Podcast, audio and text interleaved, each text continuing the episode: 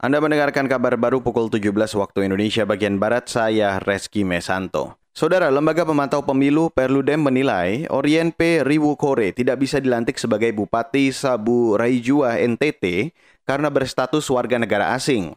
Anggota Dewan Pembina Perludem Titi Anggraini menegaskan, status warga negara Indonesia menjadi syarat mutlak calon kepala daerah dan tertuang di Undang-Undang Pilkada. Namun berdasarkan aturan yang sama, pemerintah bisa melantik Tobias Uli, wakil bupati terpilih, tanpa melantik Orien. Perludem juga meminta pemerintah mengusut penyebab Orien lolos verifikasi saat pendaftaran pilkada. Sebelumnya, Bupati Sabu Raijua terpilih Orien P. Riwokore diketahui berstatus warga Amerika Serikat. Status ini dibenarkan Kedutaan Besar Amerika Serikat ke Bawaslu Sabu Raijua.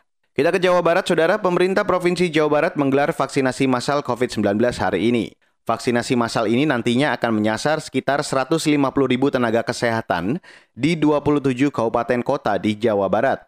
Wakil Gubernur Jawa Barat UU Ruzanul Ulu memperkirakan vaksinasi tahap pertama selesai di pekan ketiga Februari.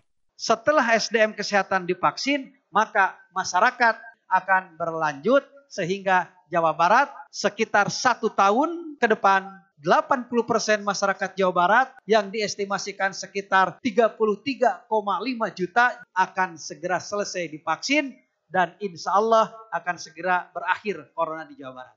Wakil Gubernur Jawa Barat Uruzanul Ulum mengklaim per hari ini sekitar 80 ribu nakes telah divaksinasi. Vaksinasi massal di Jawa Barat dilakukan bertahap mulai 3 hingga 4 Februari dan 17 hingga 18 Februari 2021. Saudara tim ahli Organisasi Kesehatan Dunia atau WHO hari ini mendatangi laboratorium virologi di kota Wuhan, Cina untuk menyelidiki asal-usul virus corona. Mengutip AFP, salah seorang anggota tim WHO, Peter Daszak, mengatakan bakal mengajukan sejumlah pertanyaan kepada pengelola laboratorium virologi Wuhan, lokasi penelitian mengenai COVID-19. Akhir pekan lalu, tim WHO juga telah mengunjungi pusat pengendalian penyakit hewan dan pasar di Wuhan yang ditengarai sebagai pusat penyebaran virus corona. Sebelumnya, Cina mendapat kritik keras terkait penyebaran dan dugaan menyembunyikan informasi data statistik virus corona. Saat ini virus corona menyebar ke ratusan negara di dunia. Total kasus corona global mencapai lebih dari 100 juta dengan lebih dari 2 juta kematian. Demikian kabar baru KBR saya Reski Mesanto.